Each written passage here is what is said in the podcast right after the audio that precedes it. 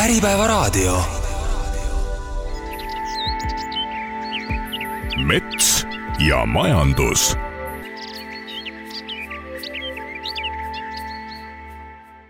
tere jälle kõigile Äripäeva raadio kuulajatele, eetris on saade Mets ja majandus, mina olen saatejuht Toomas Kelt ja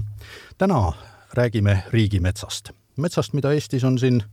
pool metsavarust, võib öelda, et väga palju ja RMK, mis seda metsa haldab, on viimasel ajal vastu võtnud uue arengukava ja toimunud on veel mõningaid muutusi. tänasteks saatekülalisteks on RMK juhatuse esimees Mikk Marran ja juhatuse liige Erko Soolman ja hakkamegi pihta sellest, mis on nagu RMK-s viimasel ajal kõige suurem muutus olnud. nimelt võttis RMK vastu hiljuti uue arengukava ja selles on mitmed uued suunad välja toodud. missugune on siis see arengukava põhifookus, millele põhirõhk pannakse? ja tere, kõigepealt aitäh kutsumast, väga hea meel siin koos Erkoga olla. kõigepealt ma tahan rõhutada seda, et ähm, kõik see, mida RMK siiamaani on hästi teinud, me teeme hästi edasi. me jääme riigimetsa kestlikult majandama, me jääme riigile tulu tooma, me jääme kvaliteetset toorainet turule tooma, me jätkame matkaradade ehitamist ja renoveerimist, me jätkame loodushariduse andmist, see rubriik kõik jääb. nüüd, kui me hakkasime strateegiat äh, koostama, siis küsimus oli pigem selles, et kuhu me suuname täiendava fookuse, et, äh, et teha veelgi paremini ja teha asju veelgi targemalt. ja sellest tulenevalt ongi läbiv joon uues strateegias, mis sai nõukogu poolt kinnitatud novembri lõpus, see, et saavutada parem tasakaal metsamajandustegevuse ja loodushoiu vahel ehk siis metsa erinevate väärtuste senisest äh, võib-olla veelgi võrdsem kohtlemine. nüüd, kui minna strateegia või arengukava sisusse, siis ähm, sai seal ähm, kirja pandud äh, kolm väga suurt arengusuunda. esiteks elurikkana hoitud loodus, teiseks tulu, mis on loodud kestlikult ja kliimapositiivselt ja kolmandaks äh, looduskasutus. ja võib-olla mõne sõnaga ma käiksin kolm arengusuunda ka üle. kui me räägime elurikkana hoitud loodusest, siis me võtame fookusesse selle, et RMK valduses olev maa ja mets ja selle ökoloogiline seisund äh, oleks pidevas jälgimises ja see ökoloogiline seisund, äh, sealhulgas ka majandusmetsas, äh, pidevalt paraneks. See tähendab, et me muudame mõnevõrra oma metsamajanduslikku käekirja, me mitmekesistame metsamajanduse võtteid, me teeme raieid hajutatumalt, see tähendab siis väiksemad langid ja ka lageraiele alternatiivsete võtete kasutamine. Äh, me oleme välja öelnud ka selle, et me lõpetame lageraied äh, piirang, äh, looduskaitsealade piiranguvööndites, võtame fookusesse suuremal hulgal nii-öelda segametsade arendamise. kindlasti me arengukava täideviimise perioodi jooksul jälgime püsimetsanduse arenguid ja püüame ka sellesse protsessi ise panustada ja kindlasti jätkame looduskaitsetöödega, äh, erinevate elupaikade taastamine ja, ja muud looduskaitselised tegevused, kus RMK on aktiivne olnud juba läbi äh, aastate, kui mitte aastakümnete. Äh, kiiresti ka tulu poole pealt, nagu ma ütlesin alguses, me jääme turule tooma stabiilselt hea kvaliteediga materjali me jääme riigile tooma tulu, me maksame igal aastal riigikassasse olulises summas dividende ja kolmas äh, äh, arengukava eesmärk on siis teadlikum looduskasutus. juba täna võiks öelda, et RMK matkarajad on maailma tasemel. meil on väga vahvad külastusvõimalused ja kõige sellega me jätkame. et pigem äh, vaatame ka üle need alad, kus Eesti inimesed praegu käivad, aga kus külastustaristut ei ole, et võib-olla sinna rohkem äh, infotahvleid, toetavat äh, taristut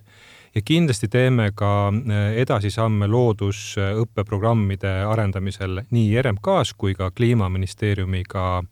koostöös. no neid eesmärke on päris palju ja selline tavamõistus ütleb, et mõned neist tunduvad nagu üksteisega vastuolus olevat, et kuidas saab ühelt poolt majandada metsa niimoodi, et see oleks kasumlikum, teiselt poolt keskenduda sellele, et elurikkus oleks hoitud, et metsad areneksid looduslikult kas te ise näete ka seal vastuolu või tundub see ei, mulle? Äh, ma arvan, et see teile ainult tundub äh, ja kindlasti ei ole strateegia eesmärk mingisugust äh, vastuolu tekitada. pigem on, on just eesmärgiks ühtse RMK arendamine siiamaani võib-olla on olnud äh, nii-öelda looduskaitse RMK ja metsamajanduse RMK, nüüd on äh, suunaks võetud see, et me püüame need kaks poolt tuua maksimaalselt äh, kokku. see tähendab seda, et me peame ühiselt äh, paremini planeerima hakkama, et me juba planeerimise algstaadiumis võtame sisse ekspertiisi, äh, mis on meie looduskaitseekspertidel, ökoloogidel et siis teha parimaid võimalikke otsuseid äh, igas nii-öelda metsa äh, arengu äh, et, etapis. ja veel kord, kõik see, mida RMK on, on hästi teinud, me, me jätkame sellega. küll, kui me räägime nüüd näiteks väiksematest lankidest ja, ja teiste raieliikide kasutamisest, siis kindlasti me peame aru saama, et mõnevõrra võib-olla meie tegevus muutub kallimaks, et võib-olla logistika pole enam nii optimaalne, kui see oli varem aga ma arvan, et selle tasakaalu saavutamiseks tuleb äh, ka noh, natuke lõivu maksta või, või tulla äh, kasumi ootuses mõnevõrra allapoole. aga siiski me räägime siin äh, pigem väikestest summadest, et laias laastus midagi väga oluliselt ei muutu ja, ja tasakaal on see märksõna. kas võib ka öelda, et selline kõige suurem eesmärk kogu RMK tegevusel ja ütleme nüüd siis ka arengukaval on see, et meie lapselastel, lastelastel oleks omakorda jälle Eestis olemas metsa, mida nad saavad majandada, kus nad saavad käia puhkamas absoluutselt, üks RMK väärtustest on, on pikk vaade ja igapäevaselt metsamehed ja metsanaised teevad tööd selle nimel, et mets oleks olemas üle põlvkondade, et see väga suur loodusväärtus, mida me saame kasutada ka siis rekreatiivsetel eesmärkidel või majanduslikele, majanduslikel eesmärkidel, jääks aastakümneteks, aastasadadeks, et kindlasti on see meie eesmärk. üks suur etteheide, mida RMK-le on viimastel aastatel tehtud, on see, et need nii-öelda kõrgendatud avaliku huviga piirkonnad ehk siis äh, RMK majandusmetsad, mis asuvad äh, asulate ümbruses, kus inimesed on harjunud jalutama, mida nad peavad enda selliseks kodumetsaks lausa, et nende majandamises toimuks muudatus, et rohkem peab äh, rääkima läbi kohalike inimestega ja rohkem arvestama nende nõudeid, mis tuleb tunnistada, vahepeal on üksteisega ka sellises teatavas vastuolus et kuidas te sellega nüüd edasi olete läinud? Ja tere ka minu poolt, et äh, et Mikk tegi tegelikult väga kena ja pika ülevaate äh, arengukava siis koostamise protsessist ja meie arengukava eesmärkidest ja, ja tegelikult selles arengukavas on äh, kajastatud ka meie kõrgendatud avaliku huviga alade metsamajandamise printsiipe ja põhimõtteid üks suur keskne teema, mida me arengukavas või arengukava täitmise hetkel äh, oleme võtnud äh, ette, on siis äh, uue nii-öelda planeerimisprotsessi koostamine ja ülevaatamine. et kindlasti tuleb selle kavallal päris palju nuputada ja tööd teha. aga me teame seda, et RMK on ja jätkuvalt teeb seda ka edaspidi, et majandab metsi kestlikult ja säästlikult ja nüüd selle säästliku metsamajandamise üks põhiprintsiipe on see, et äh, mis on säästlik metsamajandus, see on äh, metsamajandus, kus arvestatakse metsa erinevaid väärtusi.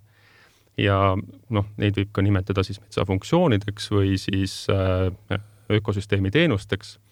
ja noh, kitsamalt minna siis noh, need väärtused on siis noh, jagades neid siis gruppideks, on majanduslik väärtus, ökoloogiline väärtus ja sotsiaalne ja kultuuriline väärtus ja nüüd äh, säästlik metsamajandamine proovib neid erinevaid väärtusi äh, kõiki terviklikult arvesse võtta. et äh, see on ähm, kindlasti väga oluline selleks, et meie järgmistel põlv, põlvkondadel oleks ka võimalik saada neid hüvesid siis nendest ähm, ka tulevikumetsadest nüüd, äh, kui meil äh, vaatame, säästlik metsamajandamine algab tegelikult juba maakasutuse strateegiast ja, ja maakasutuse planeeringutest ja, ja RMK äh, siis hallata ja hoida on antud veidi üle miljoni hektari metsamaa, see moodustab siis nelikümmend viis protsenti meie kogu metsamaa siis pindalast. ja, ja see omakorda meil on siis jaguneb erinevatesse kategooriatesse, meil on kaitsealust metsa siis nelikümmend kaks protsenti ja siis äh, viiskümmend kaheksa protsenti on siis majandusmetsa. ja nüüd, kui me tuleme tagasi nende väärtuste juurde, siis äh, kaitsealuste metsade üks peamisi funktsioone on äh, hoida ja säilitada ja taastada ökoloogilist funktsiooni nüüd majandusmetsade puhul tuleb otsida neid võimalusi, kus need erinevad väärtused oleksid siis võimalikult proportsionaalselt ja mõistlikult esindatud ja ma arvan, et siin see arengukava nüüd äh, seda, sellele ka kindlasti keskendub, et, et nii-öelda neid hoida, äh, neid metsa erinevaid väärtusi. nüüd KAH-alade puhul äh, on meil tegemist ka, kindlasti on KAH-alasid, kus on kaitsealused metsad ja kus on see ökoloogiline väärtus oluline. kuid KAH-alasid kindlasti on ka majandusmetsades ja seal peame seisma siis selle eest, et need kõik metsafunktsioonid, et sealjuures nii ökoloogiline, kultuuriline, sotsiaalne kui ka majanduslik, oleksid esindatud mitte ainult täna, vaid ka tulevikus. et, et see on üks, ma arvan, üks kesksemaid ideid ja, ja neid kah plaanide, metsamajandusplaanide koostamisel tuleb arvestada siis kohalike elanike huvidega, saavutada, leida kokkulepped ja meie suur äh, soov on, et äh, kohalikud omavalitsused äh, osaleksid nendes protsessides kui äh, kogukonna esindajad ja, ja loodetavasti me jõuame siin ka päris heade lahendusteni. kas praegu on need kohalikud omavalitsused natukene nagu sellest kõrvale hoidnud? mitte päris, et me kindlasti oleme ise omalt poolt teinud kõik selleks, et kohalikud omavalitsused oleksid kaasatud aga ma arvan, et, et nad saaksid olla veelgi rohkem, et äh, kindlasti tuleks anda neile ka selline suurem äh, roll äh, selles protsessis, et et kuna nad on kohaliku kogukonna esindajad, et siis kindlasti oleks oluline, et, et nad oleks kaasatud. võib-olla täiendaksin Erkot nii palju, et RMK põhiprintsiip KAH-alade puhul ja tegelikult KAH-ala võib-olla on üldse niisugune halb termin, et ma ise kasutan rohkem terminit kodumetsad või kogukonnametsad aga mm, põhiprintsiip on see, et äh, me ei alusta ühegi tegevusega äh, kodumetsades enne, kui ei ole kokkuleppele jõutud. Äh, aeg-ajalt ajakirjandusse jõuavad mõned seigad, kus on arutelud pikemad ja, ja võib-olla natuke emotsionaalsemad, aga tegelikult selle varjus tehakse kümneid ja kümneid kokkuleppeid kogukondade ja RMK vahel kus saadakse ühiselt aru, mis on eesmärk, et metsa tuleb uuendada ka kodumetsades, et see pilt, mis oli võib-olla nelikümmend aastat tagasi, ei saa jääda samaks ka saja aasta pärast, et, et uuendusi tuleb teha. et need kokkulepped sõlmitakse ja, ja meie metsaülemad teevad igapäevaselt väga head ja intensiivset koostööd. ja ma arvan, et me oleme kaasamisel teinud ka päris pika sammu edasi, kui võib-olla kolm-neli aastat tagasi oli kaasamiskoosolek selline äh, formaat, kus lihtsalt RMK informeeris äh,. nüüd pigem me ikkagi äh, kutsume kaasa mõtlema, kaasa arutama, ma olen ise käinud ka paaril äh, kah koosolekul ja, ja selgelt metsaülem püüab kaasa mõelda, püüab arutleda, kas üks või teine võte on selles metsatüübis võimalik või mitte aga, aga siiski eh, põhimõte on see, et me, me peame eh, saama kokkuleppele. Ja kui kokkuleppele ei saa, siis RMK tegevusi seal ei tee. Eh, üks küsimus puudutab nüüd neid kaasamiskoosolekuid, et mis keelt seal räägitakse, sellepärast et kui metsamees hakkab rääkima erinevatest raietüüpidest, siis kohaliku kogukonna esindaja ei pruugi nendest alati aru saada või saadakse nendest aru vastupidiselt või kuidagi teistmoodi, et. aru, arusaadav, arusaadav. Äh, kindlasti on siin metsaülemad äh, teinud suuri samme edasi, äh, oma sõnavara täiendanud või, või siis võiks öelda lihtsustanud, et, et kõik inimesed, kes koosolekule tulevad, saavad aru, millest räägitakse. ja ma arvan, et tulevikus on meil päris suur võimalus rohkem ka visualiseerida seda et on ju väga palju tehnilisi vahendeid, IT-vahendeid, kus me saame äh, ühte või teist raieliiki ka näidata fotodel või, või mõnes interaktiivsemas keskkonnas. Ja ma arvan, et kui inimesed näevad oma silmaga, mis on äh, teatud tegevuse tulem äh, aasta pärast, kümne aasta pärast ja neljakümne aasta pärast, siis saadakse palju paremini aru, et, et kindlasti on siin veel arenguruumi, aga metsaülemad on juba võtnud kasutusele kindlasti sellise lihtsama ja arusaadavama kõnepruugi või kui aru ei saada, siis täpsustatakse üle. täpselt nii. Äh, meie saade on ikkagi Mets ja majandus, seepärast keskendume nüüd RMK metsade majandamisele ja sealt saadavale tulule. no kõik need eesmärgid, millest me siin rääkisime, niimoodi laia, laia, laia lauaga lüües ja väga kõrgelt kaugelt vaadates tundub, et äh, ei saa sellist tulu teenida enam nagu varasemalt, sellepärast et uued need metsamajandamise võtted, mida ühes või teises kohas tuleb kasutusele võtta, need ju vähendavad seda tulu, kas või äh, vähem saab puitu kätte, et kas äh, metsade majandamisel äh, on ikkagi eesmärk saada edasi sama palju tulu või või peaks see vähenema või noh, tegelikult see ei ole ka teie öelda, see kirjutatakse ju RMK-le ette, kui suur on see dividendi ootus, kui suur on raiemaht ja täpselt nii on, nagu te ütlesite ja mul on väga hea meel, et eelmise aasta suvel esimest korda RMK ajaloos äh, kliimaminister andis meile äh, kirjalikult äh, omaniku ootused ehk siis pani kirja kõik need asjad, mida RMK Vabariigi Valitsuse vaates tegema peab. ja, ja tegelikult seal on kirjas kõik need asjad, mis on kirjas ka meie arengukavas, saavutada parem tasakaal, aga seda tehes kindlasti äh, jääda äh, stabiilselt äh, tooma kvaliteetset toorainet turule. RMK üheks põhirolliks ongi puiduturu nii-öelda stabiilsena hoidmine, sest RMK toob kvaliteetset materjali turule igal aastal, vaatamata sellele, kas puidu hind on kõrge või madal meile kehtestatakse ministri poolt raiemaht ja selle mahu piires me oma tegevusi teeme eelmisel aastal äh, tuli äh, läbi RMK ümarpuitu turule umbes kolm koma kuus miljonit tihumeetrit. kuna raiemaht äh, selleks aastaks jäi samaks, siis ma arvan, et me saame arvestada umbes sama, sama mahuga. nüüd, kui me räägime omaniku rahalisest ootusest, siis nagu ma juba eelnevalt ütlesin, on praegu riigi eelarvestrateegias järgmiseks neljaks aastaks kokku lepitud, et RMK peaks dividendina äh, riigikassasse maksma igal aastal kolmkümmend kaheksa miljonit eurot. meie praeguste arvutuste kohaselt on see tehtav ja ma arvan, et teatud aastatel on võimalik omanikul võtta veel ka lisadividendi, kui äh, puiduturg püsib äh, kõrgel, puidu hind äh, püsib kõrgel.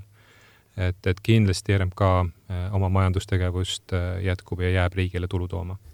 seda ka hoolimata sellest, et tegelikkuses raiemahud vähenevad, looduskaitsealad suurenevad Äh, ma rõhutan, et kõik need arvutused on tehtud ähm, hetkepildistusega, äh, kui need proportsioonid looduskaitsealuste metsade ja majandusmetsade äh, osas on samad, nagu Erko ütles, et nelikümmend kaks ja, ja viiskümmend kaheksa, tänan arvutuse eest ja kui me võtame aluseks selle raiemahu, mille kliimaminister on äh, kehtestanud ja kui me võtame aluseks äh, praeguse keskmise puidu hinna, siis on kõik arengukavas toodud eesmärgid äh, saavutatavad. ja kui midagi peaks nüüd selles valemis muutuma, looduskaitsealused maad, majandusmetsad või puidu hind või, või raiemaht, siis loomulikult tuleb äh, teha ümberarvutused ja, ja vastavalt siis ka kohendused äh, äh, võib-olla omaniku ootustes aga sellist pikaajalist plaani, et kui suur nüüd raiemaht peaks olema näiteks järgmise kümne aasta jooksul, viiekümne aasta jooksul, seda teil muidugi ei ole. ja kuidas te tunnete, kas oleks seda vaja, sellist hästi pikaajalist plaani, et et kuidas neid metsi peaks Eestis majandama ja missugust tulu võiks nendest saada, nii noh, jättes muidugi puidu hinna kõrvale, mis ei sõltu nii palju meist. jaa, äh, kindlasti võiks selline stabiilsus olla ja tegelikult RMK on juba ka omalt poolt samme astunud, me oleme äh, toonud avalikkuse ette järgmise kahesaja aasta raiemahu nii nagu meie seda näeme praeguste arvutuste kohaselt ja nii nagu äh, seadus lubab meil oma arvutusi teha, aga rõhutan, et otsus on poliitiline otsus ja seda teeb praegu iga-aastaselt kliimaminister. Ähm, ma arvan, et ähm, juba käib ka kliimaministeeriumis mõttetöö, kuidas äh, natuke mm, kuidas, kuidas anda natuke, natuke pikem prognoos, et mitte iga-aastaselt äh, seda kadalippu läbida noh, näiteks äh, Lätis on äh, kokku lepitud, et raiemaht kehtestatakse neljaks aastaks, mis tähendab, et neli aastat on paus ja siis minister või valitsus teeb uue otsuse. et võib-olla on üks variant ka, ka sinnapoole liikuda, aga veel kord rõhutan, et see ei ole RMK töö, see on äh, metsaseaduses kliimaministri otsustada. Aga kliimaministriga rääkides, siis ka tema pooldab sellise pikema stabiilsuse andmist turule. jah, puidutööstuste esindajad on pikalt rääkinud sellest, et võiks olla teada pikaajaline maht, nemad saaksid oma tööd selle järgi planeerida ja eks see annaks nii mõnelegi võib-olla uuele alustajale julgust, et kas üldse tasub Eestis mingisugust puidutööstusega pihta hakata. aga kui nüüd tagasi tulles äh, metsa ja RMK majandamise juurde, siis äh, kas majandamisvõtetes ka midagi muutub? Ja et äh, võib kindlasti muutuda, sest et noh, kindlasti noh, üks, meil on arengukavas või strateegilistes plaanides, ma arvan, ma võiks jaotada need eesmärgid kahte rühma ja selle printsiibi alusel, et on teatavad eesmärgid, mida me saame koheselt rakendama hakata. Näiteks üks nendest on siis, et me lõpetame ära uuendusraied äh, piiranguvööndites, see on väga selge eesmärk ja, ja seal ei ole väga pikka või detailset tegevuskava vaja koostada. Nüüd aga need eesmärgid, kus äh, me võtsime endale mis me võtsime endale, on siis hinnata maastikulisel tasemel metsa kui ökosüsteemi erinevaid väärtusi, ja, ja kirjutada sinna, sinna taha ka mõõdikud, mis aitaksid neid väärtusi siis iseloomustada. ja seda siis selleks, et teha strateegiliselt äh, paremaid otsuseid või selgemaid otsuseid, et ja hinnata, kas need otsused on äh, tehtud ka siis nii-öelda hiljem äh, eesmärgipäraselt. Et siis äh, nende mõõdikute väljatöötamise juures on vaja kindlasti pikemat ajakava, et need äh, tehniliselt ära lahendada, siis siin me sukeldume ikkagi ka juba teadus- ja, ja innovatsioonimaailma ja, ja see, selle tööga oleme juba isegi eelmise aasta lõpust äh, alustanud. ja selle aasta eesmärk on siis äh, kõigepealt koostada ökoloogilist seisundit äh, hindav äh, mõõdik. Et see on siis äh, üks äh, metsa väärtus, siis äh, ja see mõõdik peaks kirjeldama siis seda ühte eraldiseisvat väärtust sellele nii-öelda ökoloogilise seisundi indeksile peavad juurde tulema ka veel kindlasti majanduslikku funktsiooni iseloomustav indeks, aga ka sotsiaalset ja kultuurilist siis väärtust iseloomustav mõõdik. et nende alusel hakkame muutma oma planeerimist või uuendama oma planeerimisvõtteid lisaks me siis ka mitmekesistame ka metsa varumisega seotud metsakasvatuslikke võtteid, et Eh, nendeks on siis näiteks eh, alternatiivsete uuendusraiete kasutuselevõtt ja väiksemate eh, lageraielankide tegemine ja seda siis senisest mahust siis kaks korda rohkem või kaks korda enam. ja kindlasti ei tasu kuidagi kõrvale panna seda, et me, meie endiselt soov on rajada ja kasvatada segametsi et tuua senisest enam meie metsamaastikule selliseid kooslusi, kus peapuuliigi osakaal oleks äh, pisut madalam ja seal julgelt äh, siis rakendatakse ka siis selliseid võtteid, kus äh, saab lisaks peapuuliigile juurde tulla ka kaaspuuliike. Et see kõik aitab hoida metsa struktuuriliselt mitmekesised, struktuuriliselt mitmekesised metsad pakuvad rohkem erinevaid ökosüsteemi teenuseid, eriliselt olulised on nad elustikule, pakkumaks elupaiku. Et äh, kõike seda äh, noh, kasutades juba selliseid võtteid ja maastikulisel tasemel planeerimist, et need äh, peaksid aitama meil saada esiteks parema hinnangu, näha seda hinnangut aastalt aastale mõõtes, neid trende ja, ja siis ka planeerimisprotsessi neid juurutades me saame kindlasti selgema kindluse oma otsuste tegemisel. tõenäoliselt need segametsad on ka vastupidavamad kliimamuutustele? täpselt nii täpselt nii, seda, seda me teame, et, et segametsad on vastupidavamad, et seal tekivad sellised nii-öelda puuliigilised vaheldumised, nii-öelda barjäärid või koridorid, mis siis võivad eraldada haiguste puhanguid. aga nad on ka, ka iseenesest bioloogiliselt vastupidavamad äh, kooslused. Et siis enam puupõldudest ei tohiks rääkida? jah, ma arvan, et, et see puupõld on, ei ole ilmselt kunagi olnud väga asjakohane termin. Jah, et ainukene puupõld teatavasti on park, mida igapäevaselt hooldatakse. aga teine märksõna veel, püsimetsandus, RMK uurib ka selle võimalusi.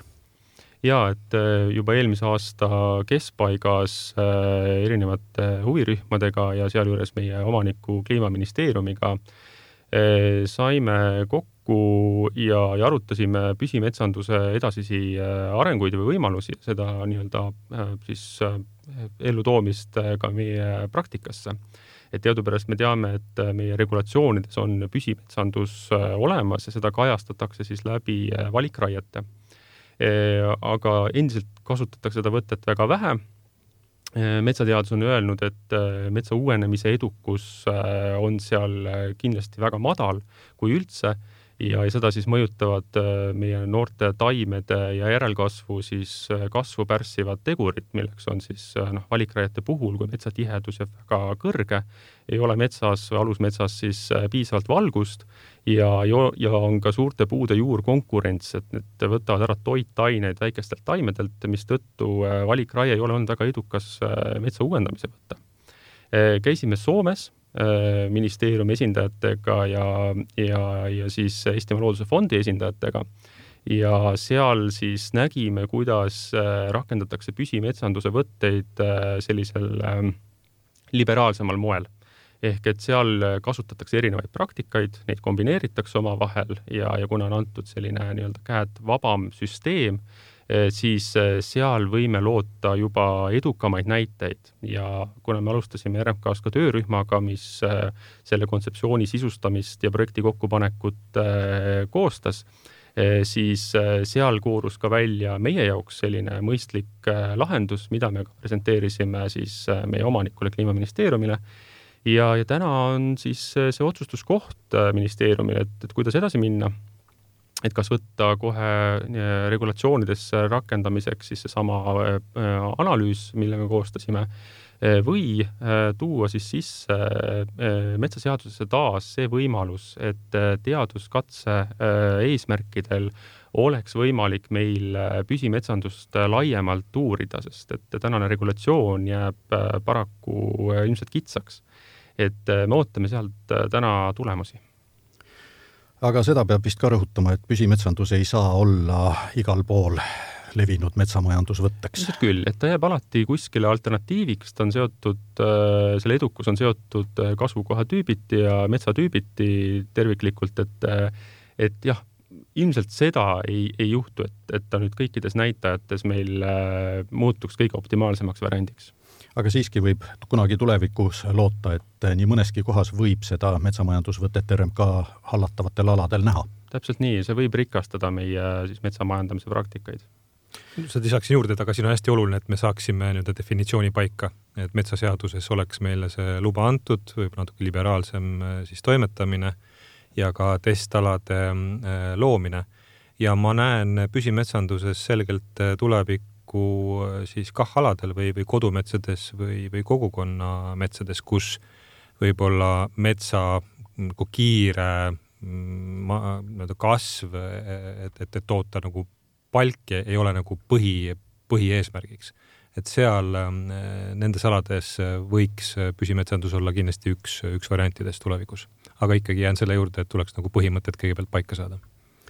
aga kas äh, võib tulevikus näha ka seda, et rohkem kasutatakse inimtööjõudu, nagu nõutud on, et vähem harvestere, vähem masinaid, rohkem saemeest? noh, inimtööjõuga on, ma arvan, nii nagu igal poolgi üpriski keeruline seis, et et ma usun, et ka tehnoloogia areneb ja vastava nõudluse tekkel võib tegelikult tekkida päris mõistlikke lahendusi meie metsadesse. me näeme juba neid ka täna tegelikult Eestis toimetamas et meil on selliseid ähm, e, esimese järgu harvendusi äh, tegevad siis kergemad kaaluga maapinda säästvamad tehnilised lahendid, metsaveo ja langetustraktorid, et et ma usun, et kui nende järgi tekib nõudlus, siis need lahendused osaliselt juba on olemas ja ilmselt arendatakse veelgi edasi. et kui turul nõudlus on, küll siis ka lahendus tuleb? ilmselt küll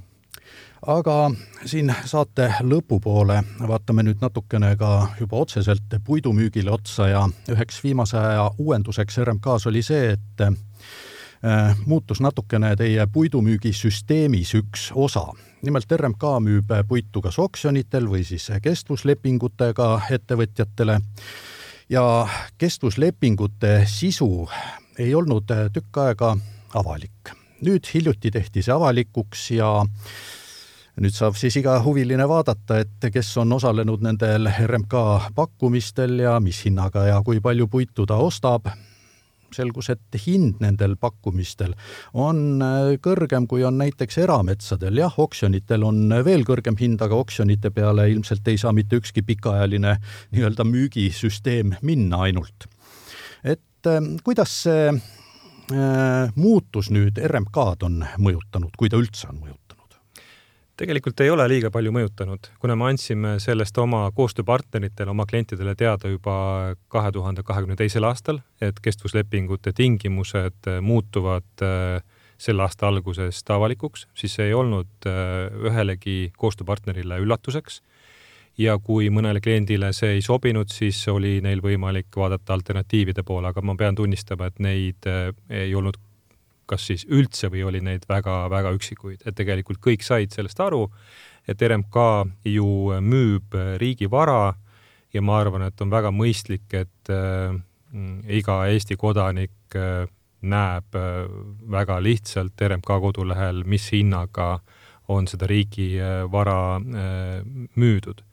Ja ma rõhutan siin veel ka seda, et kestvusleping äh, on, on äh, pigem selline raam ja see ei tähenda seda, et hinnad lepitakse kokku kolmeks või viieks aastaks, et see ei ole nii. et kestvuslepingud annavad selle raami, et ettevõte kvalifitseerub üldse kestvuslepingu tingimustele, meil on väga karmid tingimused, ei tohi olla maksuvõlgasid, peab olema korralik käitumine iga, igas mõttes.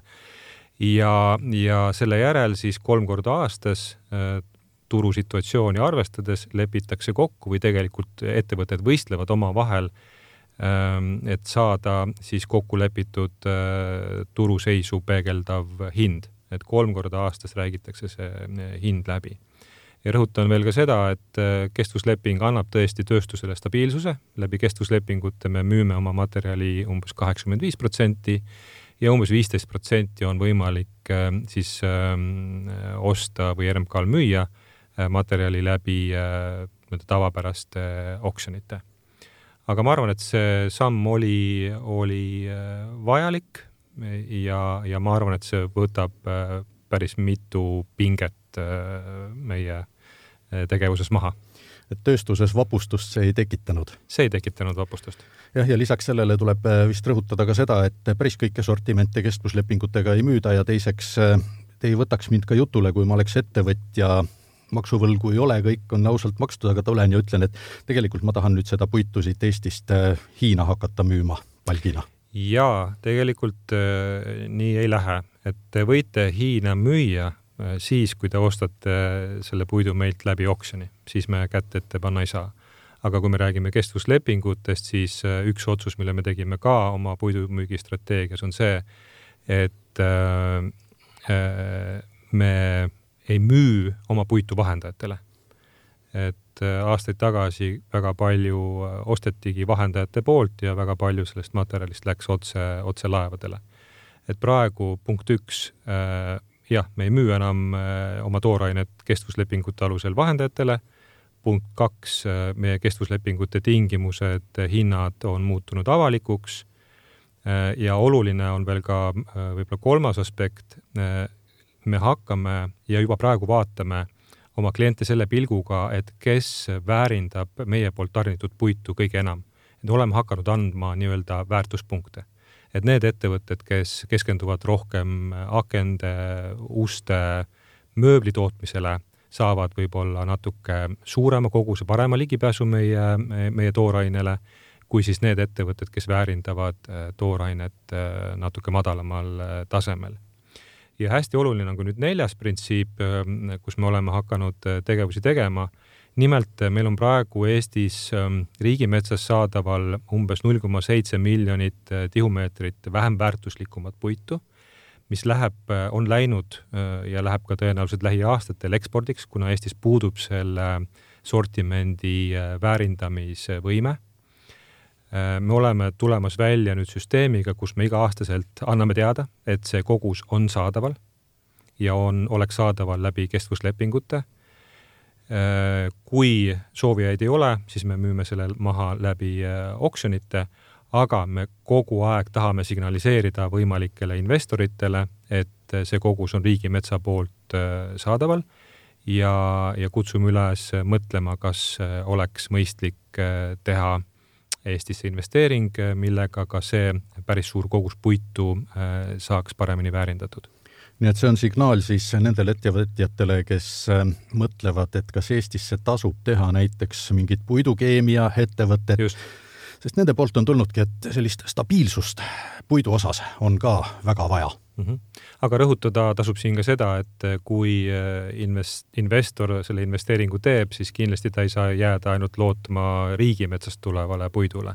sest tõenäoliselt need vajaminevad kogused on mõnevõrra suuremad kui ainult null koma seitse miljonit eh, tihumeetrit, oleneb loomulikult investeeringust ja tehnoloogiast, aga kindlasti peab siin arvesse võtma erametsast tulevat puitu ja võib-olla ka mõelda selle peale, kas oleks vaja tarnida juurde puitu mõnest meie naaberriigist jah, aga mingisugune stabiilsus on ikkagi olemas. ja, et selles mõttes null koma seitse miljonit tihumeetrit on väga suur kogus ja, ja kui riigimets ütleb, et see kogus on saadaval, ma arvan, et see paneb äh, nii mõnelgi ärimehel äh, mõtte liikuma. jah, ja eks siis erametsaomanik saab omalt poolt ka vaadata, et minul on ka ju mingisugust kogust, mida ma mingil hetkel tahaksin võib-olla müüa. täpselt nii ja lõpetuseks äh, selline igavikuline küsimus ka, et mis olud praegu seal puiduturul on, et ega noh, puidutööstusel on praegu rasked ajad, kas teie käest ikka puitu ostetakse ja kuidas tulevikku vaatate, et kas jätkub selline nõudlus puidu järele, ütleme siin ka viiekümne aasta pärast? ma võib-olla teen otsa lahti ja Erko saab oma ekspertiisist tulenevalt äh, täien-, täiendada. ma arvan, et äh, väga oluline aspekt on see, et puit on selgelt tulevikumaterjal äh, on siin ju läbi käinud ettevõtted, kes ütlevad, et kõike seda, mida on võimalik toota naftast, on võimalik toota ka puidust. ma arvan, et et umbes üheksakümmend protsenti see täpselt eh, nii ka on, et puit on tulevikumaterjal,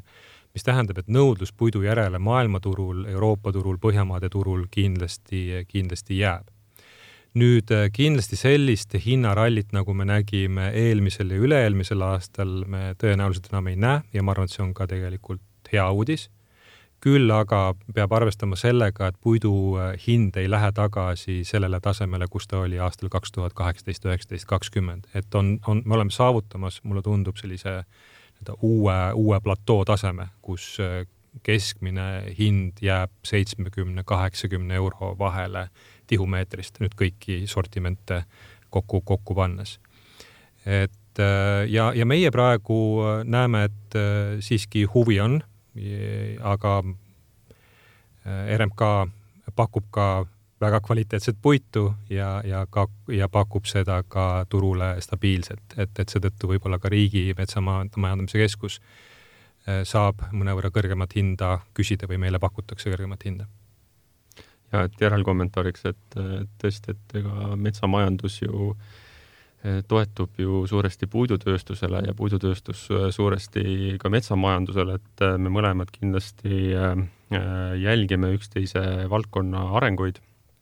ja nii nagu Mikk mainis, et, et siis vahepealne väga selline volatiilne kõrge tõusuga siis puiduturu tõus, mis siis algas kakskümmend üks aasta lõpust ja, ja kestis kakskümmend kaks aastal et on näha, et see, see tipp või teravik on nüüd äh, täna tulnud äh, alla. endiselt on see tase äh, kõrge ja, ja kui siia nüüd selline trendijoon peale panna, siis ilmselt sellist stabiilset siis tõusu võiks ka meil näidata, et vähemalt nii me, me seda olukorda ennustame aitäh teile, stabiilsust puiduturul on kindlasti vaja. selline oli siis tänane saade Mets ja majandus ja stuudios olid RMK juhatuse esimees Mikk Marran ja juhatuse liige Erko Soolman. mina olen Toomas Kelt ja kohtume taas järgmistes saadetes